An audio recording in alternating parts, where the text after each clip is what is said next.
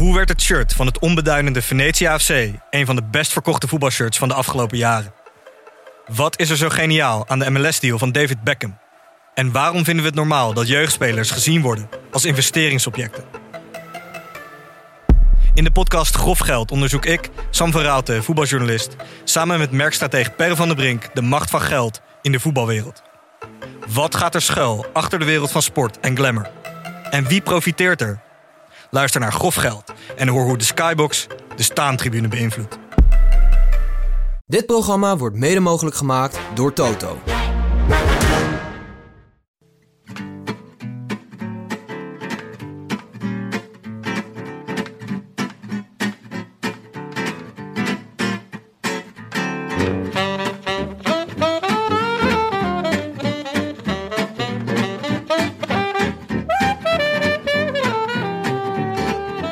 Het is zondagavond 27 juni 2021, de dag waarop Mathieu van der Poel als Viserion de muur van Bretagne omver trekt. En de dag waarop deze podcast vijf jaar bestaat. Live vanuit ons digitale telefoongesprek is dit een emergency podcast van De Rode Lantaarn.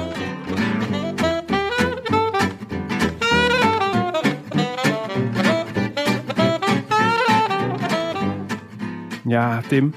Terwijl hier eh, de regen met bakken uit de hemel komt. De hemel schrijdt, denk ik. eh, hebben wij onszelf de, de moedige taak gegeven om in eh, pak een beet een kwartier à 20 minuten onszelf uit de put te praten die het Nederlands elftal heet. Richting euforie over Mathieu Oh. van der Poel. Ja, nou ja, het is ook wel. eh Nederland zelfs al verliest en de lucht breekt en er valt bakken regen naar beneden. Maar Willem, Ja. wat is dat toch met voetbal? Dat als je met wielrennen verliest, dan ben je gewoon teleurgesteld. Kan ik ook wel eens slecht van slapen. Maar Mhm. van voetbal kan je gewoon echt woedend worden. Ja. ja, ik weet het niet. Ik was nu was ik vooral woedend op Frank de Boer en zijn wisselbeleid. En dat doet Alpecin niet, hè? Wisselen tijdens de koers. Nee. Nou ja, Maakt er zijn wel eens wat ploegen die een tactisch blundertje maken of wat dan ook. Maar uiteindelijk is er natuurlijk... Er is minder om boos over te zijn. Het is toch vaker gewoon sterk of niet zo sterk. Of het kon net wel of het lukte me net niet.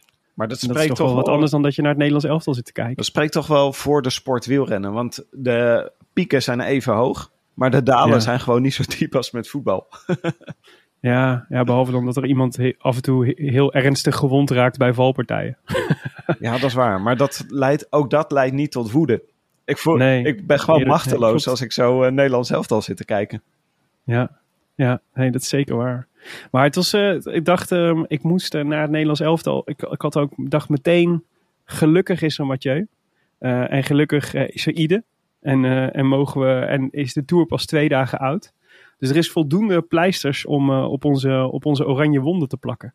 En dat is wel, heel, dat is wel een, echt een hele prettige gedachte. Nou, maar het is gewoon een ander tijdperk voelt het nu. Vanmiddag was het dus heel erg mooi weer. Ja, Ik was eh, met eh, mijn familie was ik in het park. Het was echt eh, super vredig allemaal. Het was echt een vredige stemming. Het was rustig in het park. Het was zonnig. Kinderen waren aan het spelen. En ik dacht, Mhm. ik ga toch naar huis. Want ik wil gewoon op tijd zijn voor de finale van deze etappe.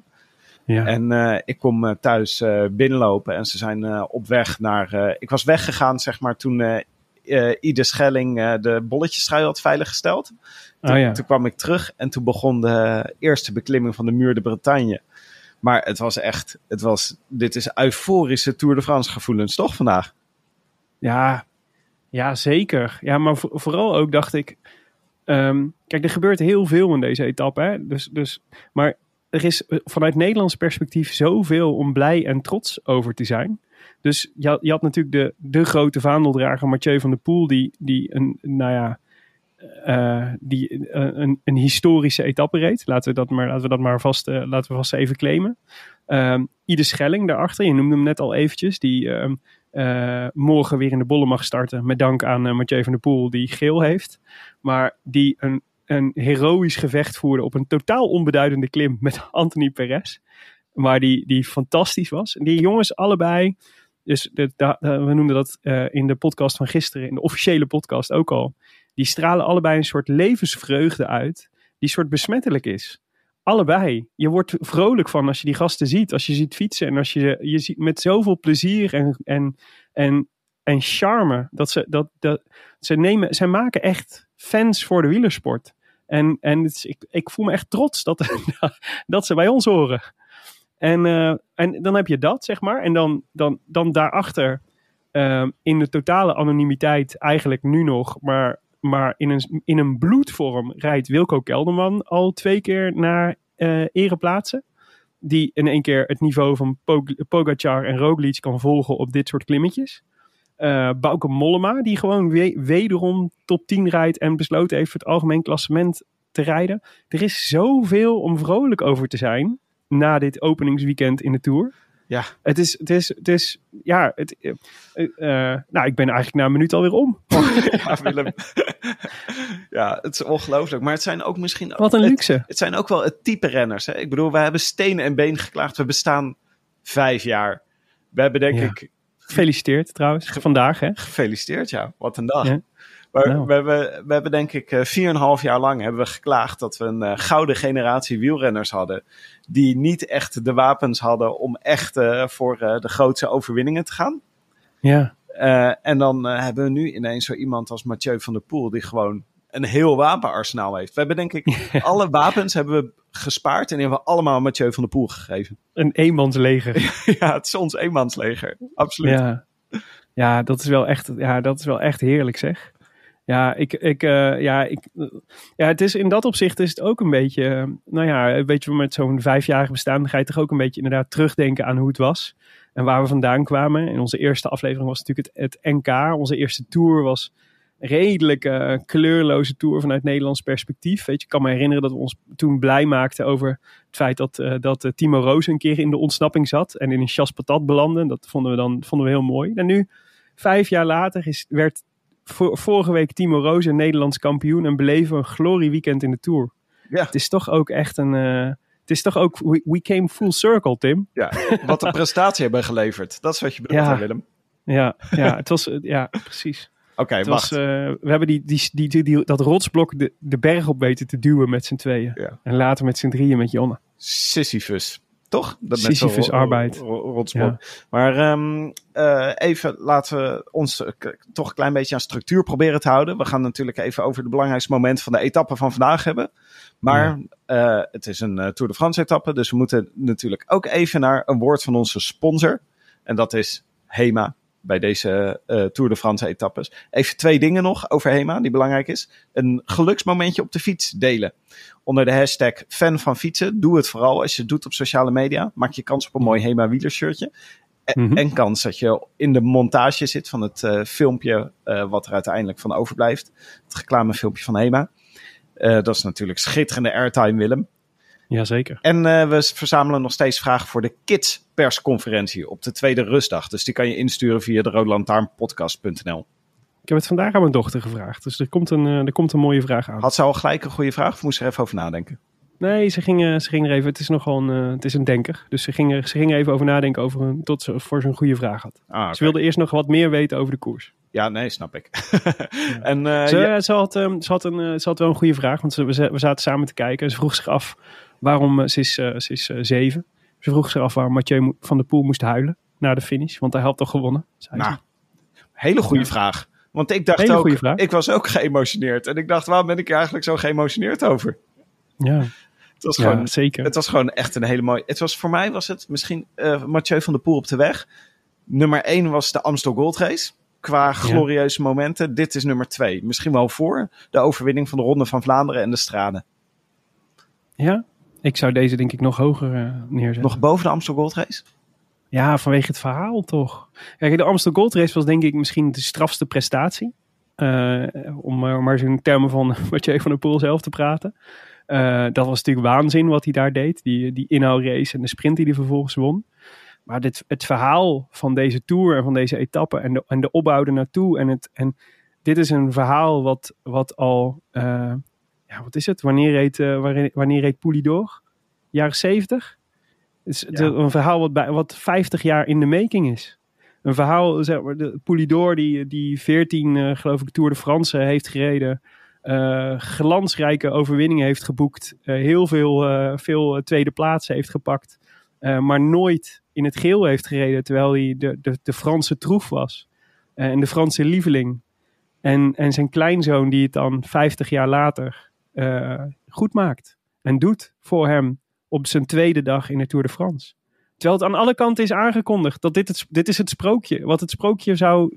Wat, eh, Mathieu van der Poel, die het. eh, die, ja, ik, je, moet een, je moet een grote jongen zijn. Of een, of een, of een emotioneel wrak. Om, de, om hier geen tranen bij te laten.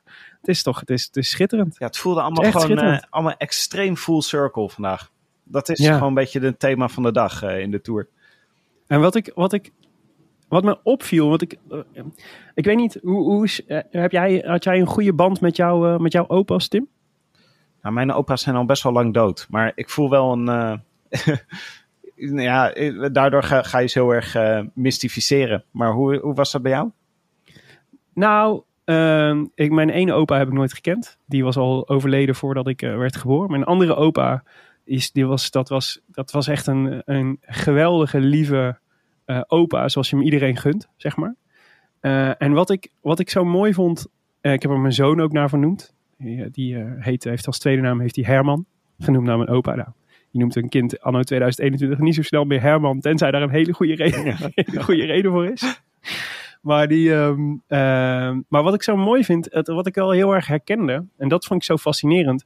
Het is helemaal niet de, de relatie van, van eh Poulidor met Van der Poel voelt helemaal niet als een topsportrelatie. Hij is zo herkenbaar omdat hij, dat de basis ervan gewoon pure liefde voor elkaar is.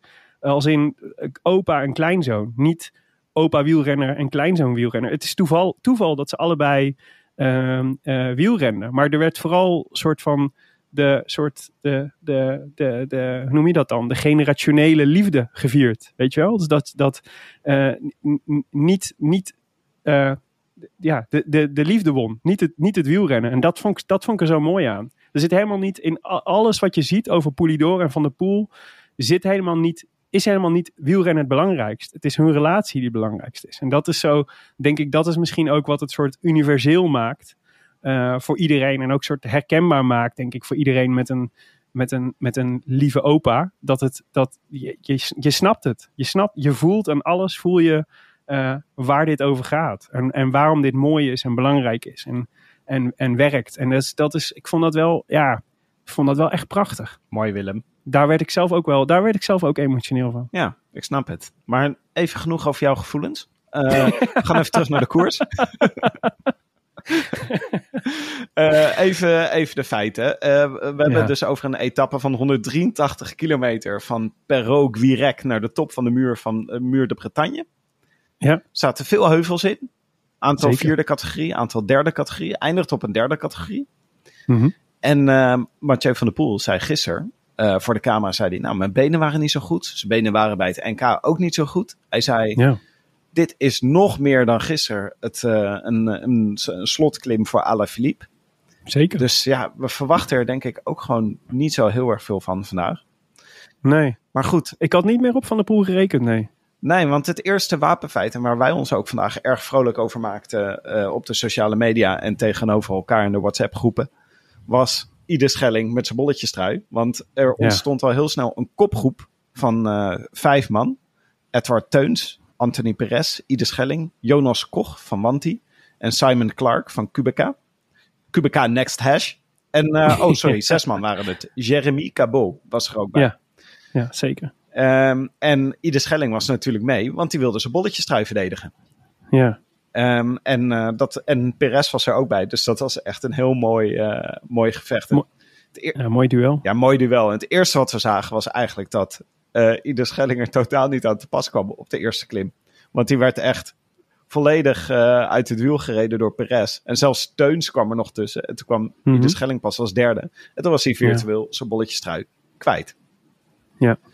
En eh, bij, zijn, bij de volgende beklimming, dit was, de eerste was de Côte de Sainte-Barbe, waar hij dus verloor van Perez. Mhm. En daarna eh, kwam de Côte de Pordic. En dat was echt een schitterende scène, vond ik zelf. Namelijk het Ja. sprintje tussen Perez en Schelling. Ja, maar hij begon al zo vroeg. Dus, dus ehm, eh, Schelling maakte een soort schijnaanval. Perez eh, counterde die. En daardoor kwam Perez gedurende anderhalve kilometer bergop op kop te zitten. En ja, als hij het erom deed, dan vond ik het echt een wereldmove. Zeker met hoe die afliep uiteindelijk. Want uh, Perez was in één keer in de positie dat hij, dat hij aan het werk moest. En, ehm, ja, en die sprint, het was zeg maar het remonteren en nog een keer remonteren wat hij deed. Ja. je dacht iedere keer hou vol, hou vol.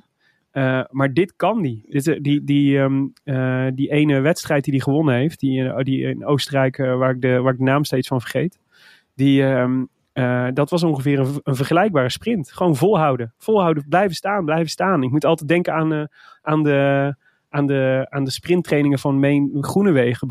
Die, oh nee, van Kees Bol heeft dat ooit een keer verteld. Dat, dat, dat hij dat in zijn hoofd heeft op het moment dat hij een sprinttraining aan het doen is. Blijven staan, blijven staan, blijven staan. Zolang je blijft staan, blijf je snelheid maken. Oh ja. En, uh, en ook al voel je je benen verzuren en schreeuwt alles om te gaan zitten, je blijft staan. Want dan, en, en je zag Perez breken. Ja, en, dat was het mooiste om te zien. De knak van Perez, die gewoon dacht, hè, maar blijf je nou doorgaan? Ja. Nee, dit meen je toch niet? Je zag het echt afspelen achter zijn ogen. Dat ja. gewoon zo, ja, maar ga je nou, blijf je nou dit doen? Ga je nou nog een keer? Ga je nou, ga je nou, ga je nou nog een keer? En toen was het soort, het was bijna kostelijk om te zien hoe uh, Schelling deze sprint won.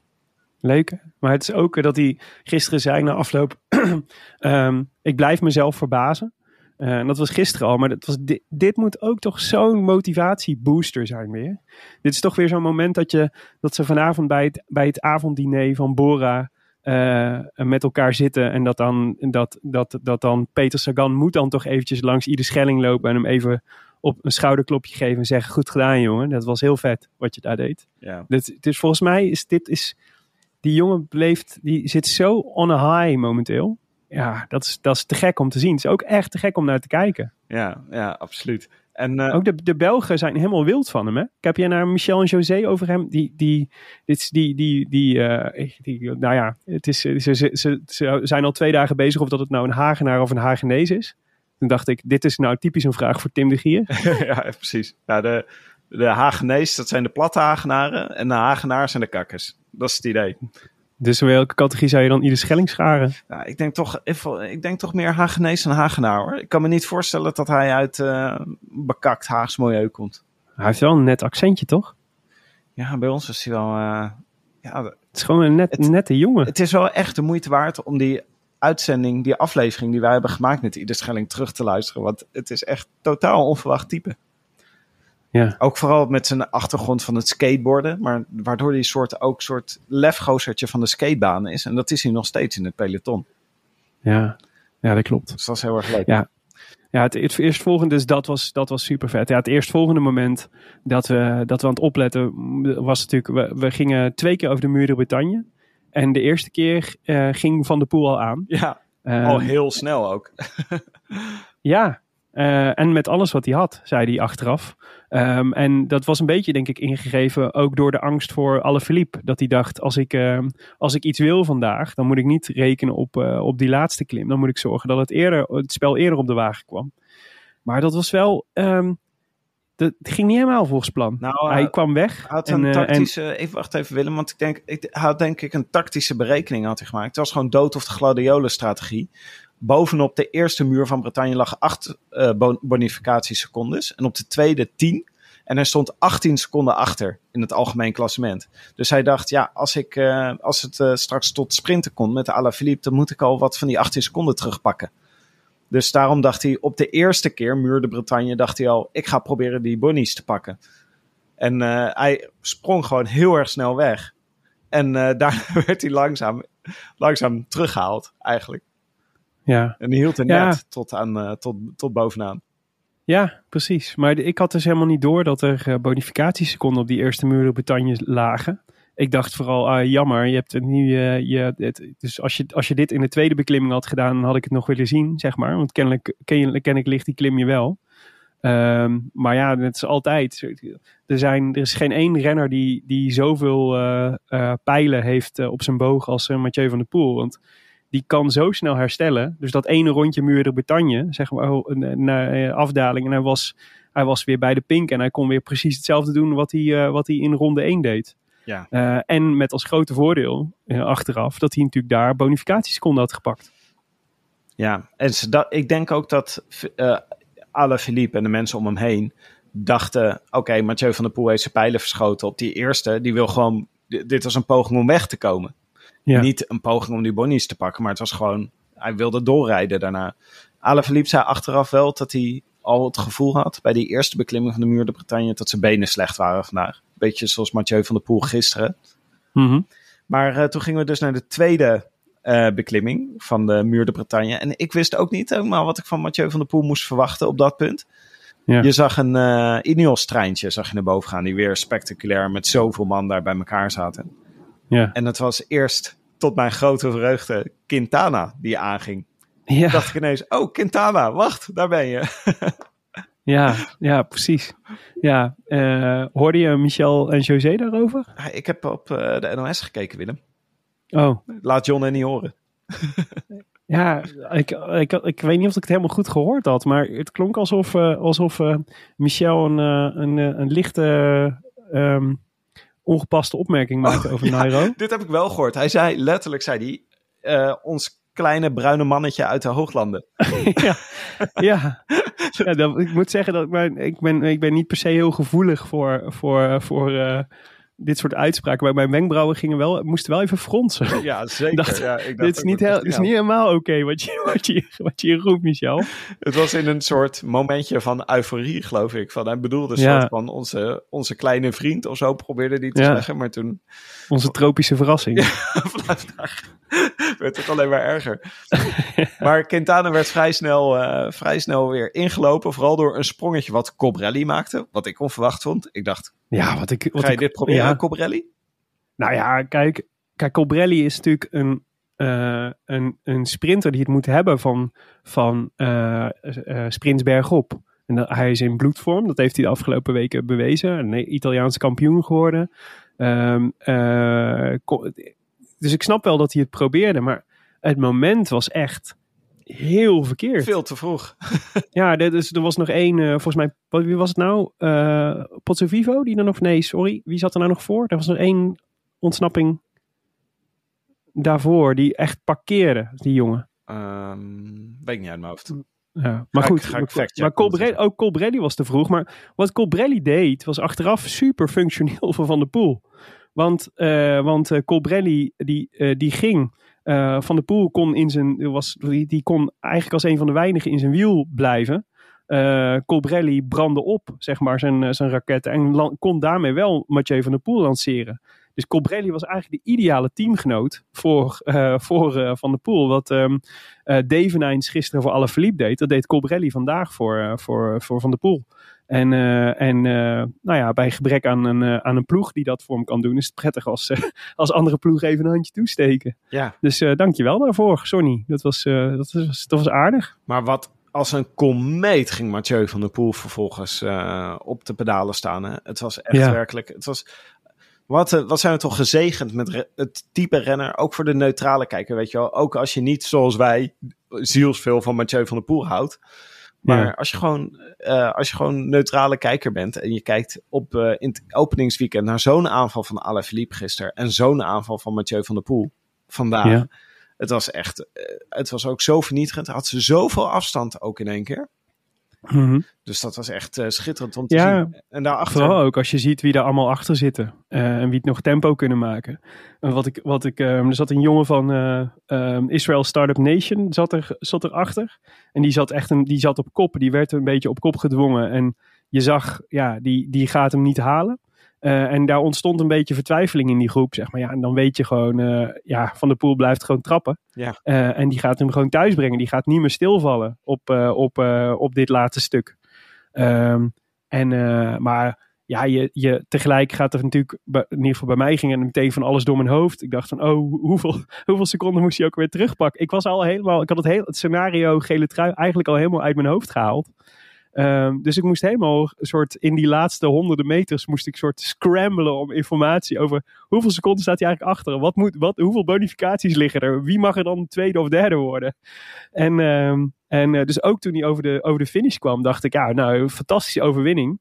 Eh, maar ik had nog niet gedacht dat hij, dat hij ook de gele trui had. Nou ja, dat Ehm, kwam ook omdat Michel en José het niet wisten. Dat is altijd dat je dan denkt van, eh, kijk, dat je zelf moet gaan rekenen is nog tot daar aan toe. Maar iedereen was even zo, oh ja, maar hoe zat nou ook weer bonifica bonificatieseconden op de eerste keer Muur de Bretagne, nu op de tweede, dus dat maakt het verschil goed. Ja. En toen bleek hij dus nog acht seconden op Alaphilippe te hebben op de finish. Dus nu ligt hij acht seconden voor in het algemeen klassement. ja. ja. Het was ja, trouwens, eh, Willem, nog even het belletje. Ding, ding, ding. Het was Ja. eh Maurice oh, die, ja. eh, die zo ontzettend parkeerde. En je hebt, Oh, we hebben ook nog heel even Formelo gezien. Formelo, ja, Formelo, die bedoelde ik eigenlijk. tweeën, Ja, ja, ja, heen en weer zwalkte. Dat was inderdaad wel het betere eh, parkeren. Parkeerwerk. Betere inparkeren. ja. ja, nee, zeker.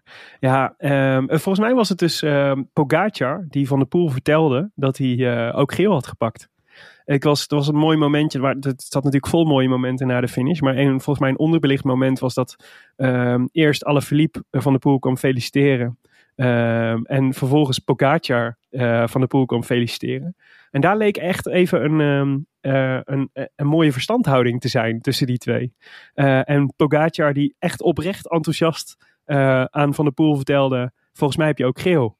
En eh, dacht, is dat, ja, eh, Michel en José stonden er ook even bij stil. Van, hier staat een nieuwe generatie eh, in, het, eh, in het wielrennen. Eh, maar ik vond het wel leuk om te zien dat ze, ook, dat ze elkaar zo leuk leken te vinden. Ja, mooie leeftijdsgenoten. Ze, ze zijn zo jong, ze kennen elkaar waarschijnlijk van TikTok. Precies. De hele tijd gekke dans, dansjes naar elkaar aan het sturen. Maar wel mooi ook dat Alaphilippe, die, eh, die wilde zo graag ehm, naar eh, Mathieu om hem te feliciteren, dat hij echt, hij moest er eerst, ging hij er linksom omheen rijden. Ja, Daarna moest hij er nog rechtsom omheen fietsen. Hij ja. deed echt zijn best. Maar gisteren was, het, gisteren was het natuurlijk andersom. Dat eh, Van de Poel bij Alaphilippe probeerde te komen en dat mislukte. Maar het is wel mooi, echt mooi om te zien dat die gasten allemaal zoveel respect voor elkaar hebben voor dit type prestaties. Dus dat je ook, dat je gewoon kunt denken, ja maar dit, is gewoon, dit was echt grote klasse. Ja. En, eh, en dat, dat verdient een felicitatie. En dat ik dan de gele trui verlies, ja dat is, dat is, dan, dat is waar. Maar het is op, op waarde geklopt. En dus Ja. proficiat. Dat zei, Mooi. dat zei Van der Poel gisteren ook. eh, dat deed hij ook heel netjes. Hè? Gewoon, Alaphilippe was beter. Ik had slechte benen. Ja, waren nog een paar leuke dingen die daarachter gebeurden. Want het grappige is om te zien dat Pogacar en eh Roglic... die gaan... Die blijven gewoon de hele tijd achter elkaar aan fietsen, denk ik, deze tour. Ja. Die, Ja. de, de een gaat ook niet versnellen als de ander niet versnelt. En ze zijn... ja, ze, ze doen mee met het punch-geweld. maar ze gaan... Mhm. eh, nou ja, dan is er altijd een van de twee die de benen stilhoudt tot nu toe. En dan houden ze op met fietsen. Dus dat is interessant. Maar wat hier, eh, wat hier leuk was... Nou, dat was leuk. Eén. Twee. eh, Kelderman zat er heel dicht achter. ja die, was, dat, die ging dus over de finish met, met Pogacar en uh, Roglic. En hij keek een beetje verveeld, vond ik. Goed teken. Hij was de hele tijd scherp. En Ja. ehm, ik, eh, dus de, de vraag hier die zich opwerpt is, zijn, er zijn er twee volgens mij. Eén, is Hallo, Wilco ik was met een Kelderman... opsomming bezig. Ga je nu ook ga je hier gewoon Nee, een, ops- Ja, een ops- uh, bewaar je Ik maak ja. even een zijstapje. Ja. En vraag 1. is Wilco Kelderman de derde hond in het kegelspel? Mhm. Vraag 2. Wat, wat, wat moeten wij met Wilco Kelderman? Moeten wij nu, moeten wij Wilco Kelderman wederom een Tour de France lang gaan doodzwijgen? In de hoop dat, hij, dat hem dat... eh, hè, want daar, ik zag dat Thijs Zonneveld daar alweer mee, weer mee begonnen was. Dat er vandaag niemand vierde was geworden. Ja. Of, of zijn we daar voorbij nu? Ah, ik neig voor- naar het laatste. Ja, voorzichtig optimisme, zou ik zeggen. Gewoon goed gedaan, Wilco. Morgen weer een Ja. dag. Gewoon, we gaan er gewoon hetzelfde in zoals voetballers altijd zo'n interviewtje na de wedstrijd doen. Zeggen we, elke dag is de finale. Goed gedaan Ja. vandaag. Morgen kijken we verder. Morgen kijken we verder. Ja. Ja, maar het is, het is ook, het vind, vind ook wel dieper dan dat. Want ik vind dat we in de Giro hebben we met elkaar, Wilco en wij, ook een transformatie. En wij, dan bedoel ik natuurlijk wij, alle luisteraars, Oh ja, ook een transformatie de doorgemaakt. Copernicaanse wending. Ja, van, van hè, daar hebben we de anonimiteit feitelijk opgegeven. En, en dat, dat, nou ja, ik bedoel, je kunnen allemaal twisten over wat dat heeft opgeleverd. in ieder geval een derde plaats in de Giro. Ja. Eh, maar ik, ik vind niet dat we, dat, eh, als we nu weer Copernicaans gaan wentelen, dan eh, wordt het wel een Copernicaanse draaimolen. En, en daar wordt niemand blij van, denk ik. Maar goed, jouw opsomming. Ga Ja. verder. Waar was ik ook weer? Bij welk nummer? Nou, ik Nou, Kelderman had je Oh ja. genoemd.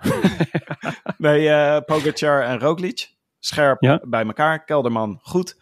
Maar wat opvallend was, al die Ineossen waren weg aan het einde. Ja, Want die hebben echt een ploeg dit jaar bij zich. Die- Dat is, dat is echt geweldig. Het geweld wat ze ook kunnen ontketenen als zo'n klim begint. Ik vond ook dat ze het goed, eh, Nou, ze, ze komen dan tevoorschijn op het moment dat het er toe doet. Ja. Behalve dat je gewend bent dat eh, eh, Thomas heel erg goed, dit soort dingen heel erg goed kan. Ja, En eigenlijk het klassement van Gegenhard is naar de vaantjes na gisteren. Poort Ja. was gisteren al voor een gedeelte naar de vaantjes, maar vandaag is het nog erger geworden.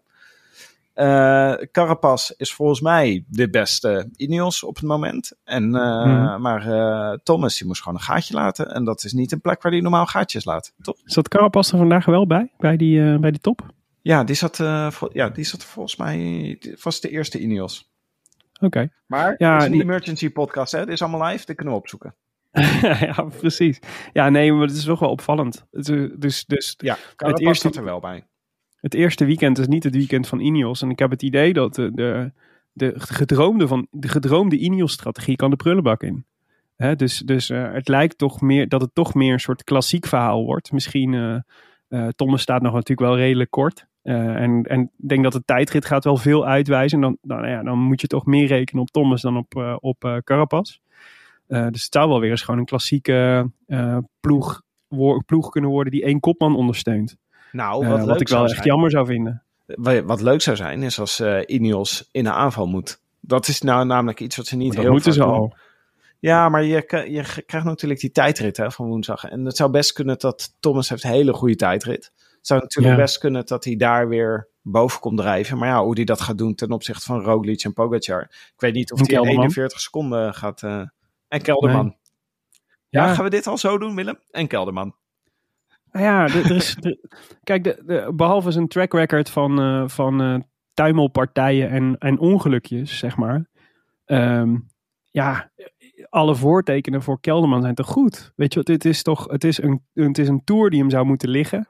Ehm, die, die tijdritkilometers, dat is ideaal voor hem. Het is gewoon een supergoeie tijdrijder. Hij lijkt in, in, in topvorm. Hij heeft een ploeg die hem kan eh, helpen en ondersteunen. En die in een soort winning mood is. Met dank aan eh Ide Schelling momenteel. Ja, ik weet het niet. Ik, eh, er is genoeg reden om, om hoop in onze hartjes te voelen, Tim. Ja, nee, maar Willem, in de top 6, in de top 10, drie Nederlanders. Ja. Dat is toch ongelooflijk. Nou, en het is Ja, het openingsweekend, maar ik ga er gewoon echt even van genieten. Ik ga morgenochtend een paar keer aan denken. ja, ik ook zeker. En, eh, en de komende dagen nog wel, denk ik. Ja, weet je wat het is? Dit, dit, dit soort momenten. ehm, dit, is, dit natuurlijk dit is wat een tour. eh, dit, dit, dit, dit, geeft, eh, aan het einde van de tour geven wij natuurlijk, natuurlijk altijd sterren. Van hoe, wat is dan, hoeveel, hoe waardevol is deze tour geweest, zeg maar. Eigenlijk is alleen deze etappe aan zich is al gewoon goed voor, voor minimaal 3,5 ster. Dus de Tour is al fantastisch dat dit gebeurd is. Ja. En, eh, en, ehm, en, en we mogen nog gewoon 2,5 week. En met het Nederlands elftal eruit hoeven we ook niet meer met de avondetappe wachten, te wachten tot het EK voorbij is. Of tot, Ja. dus hoeven, eh, ik zat gisteren nog om, eh, om, om half één naar de avondetappe repes te kijken. Vervolgens kreeg ik hem niet opgelost omdat ik niet wist wie de, wie de speler van Arsenal was die in de rebus zat. Toen dacht ik, ja, het is half één. Ik kan ook niet meer Tim Oh, bellen nu. Willem, wie was het? Ik denk per Mart- Mertensakker Oh, ja. achteraf. mooie verdediger. Ja. die heeft toch bij Arsenal gezeten? Ja, en die zit nog steeds bij Arsenal, maar die doet nu iets... eh Oh, hij Van mijn gevoel is hij al 80. Maar dat is niet. Ja, hij is wel gepensioneerd, maar zeg maar trainer of zo. Oh ja, ja. Maar ehm, ik weet het niet eens zeker. Dus ik had het, ik had het gruwelijk fout. Ja, maar eh, maar ehm, ja, ik was ook niet meer zo scherp. Maar nu, nu kunnen we dus lekker naar de vooruit. Dus, weet je, het fijne van de uitschakeling van Oranje is dat we ons nu gewoon helemaal kunnen focussen op de, op de Tour de France. Ja, En dat is toch. En, en, en die heeft genoeg ingrediënten voor ons om drie weken lang echt gruwelijk vermakelijk te zijn. mooie Dus woorden, Willem. ik, ja, we moeten toch. we- het is een treurige avond voor het Nederlandse voetbal, maar een schitterende dag voor het Nederlandse wielrennen. Ik eh, zeg, eh, we zijn bij minuut 34. We gaan het hierbij laten. Het hoort bij een emergency podcast. Is ook zo. En dan ga- vond het fijn. Vond fijn, Tim. Vond het ook therapeutisch. Ja, hè? ik ben eigenlijk Ja. het Nederlandse elftal is alweer een beetje... ehm, ik voel, voel me meer in een gele trui dan in een oranje trui zitten op het moment. Het is zo. Het is zo. Eigenlijk rijdt heel Nederland in de gele trui. En het is hier nog steeds, het, eh, de regen tikt lekker op het eh, dak. Dus dat hebben, hebben mensen misschien ook gehoord. Je hoort af en toe wat, eh, wat don- gedonder. Ja. Laten we hopen dat het woensdag weer mooi weer is als we elkaar zien. En dan Ja. na de tijdrit. En ik ben benieuwd hoe Mathieu van der Poel in de gele trui zijn tijdrit gaat rijden. Als hij ervan Ja. uitgaan dat hij er dan nog in rijdt. Daar ga ik wel vanuit hoor. Ja, top. Vergeet de voorspelbokaal niet voor aankomende woensdag. Je kunt ook nog even meedoen aan de Caption This Contest op, eh, op eh, Instagram en Twitter. Waar we het befaamde kartonnen bord proberen te voorzien van een nieuwe tekst. Heel veel reacties, dat is wel heel leuk. Ja, zeker. Wel, ik vond de, een van de leukste vond ik toch wel, eh, welkom bij de start van de, van de Rode Lantaarn eh, een verrassingskoers. Nice. Als je, het is toch de gedroomde start van de Rode Lantaarn verrassingskoers, zo'n zo'n kartonnen bord. Dat snap ik wel. Maar ehm, er waren nog heel veel mooie. Ik zal, eh, ik zal de komende dagen zal ik een heleboel delen op de gram. Maar mocht je nog prachtige ingevingen hebben, wees welkom. Ja, Tim? als je- ja, als je je toch een fijne bezig bent. Eh de Rode voor alles. Kan je ook nog mee eh, om de Rode Lantaarnfiets, hè Willem? Oh ja, ja Dus zeker. Goed. Van Canyon. Goh, die hadden ook een mooie dag, Tim. Ja. Zou het, eh, nou, hij zal vaker een gele trui hebben gehad, toch? Denk ik. Of zou het de eerste gele trui van Canyon zijn geweest? Dat is een goeie. Ja, we- vast niet. Vast, ze hebben er vast al eerder gehad. Maar eentje met, een, met zo'n mooie, denk ik nog nooit. Ja, dan gaan we eens vragen. Ja, top. Hey, eh, fijne avond en eh, tot woensdag. Abiento. Biento. I wish I could be in the south of France. In the south of France. Sitting right next to you.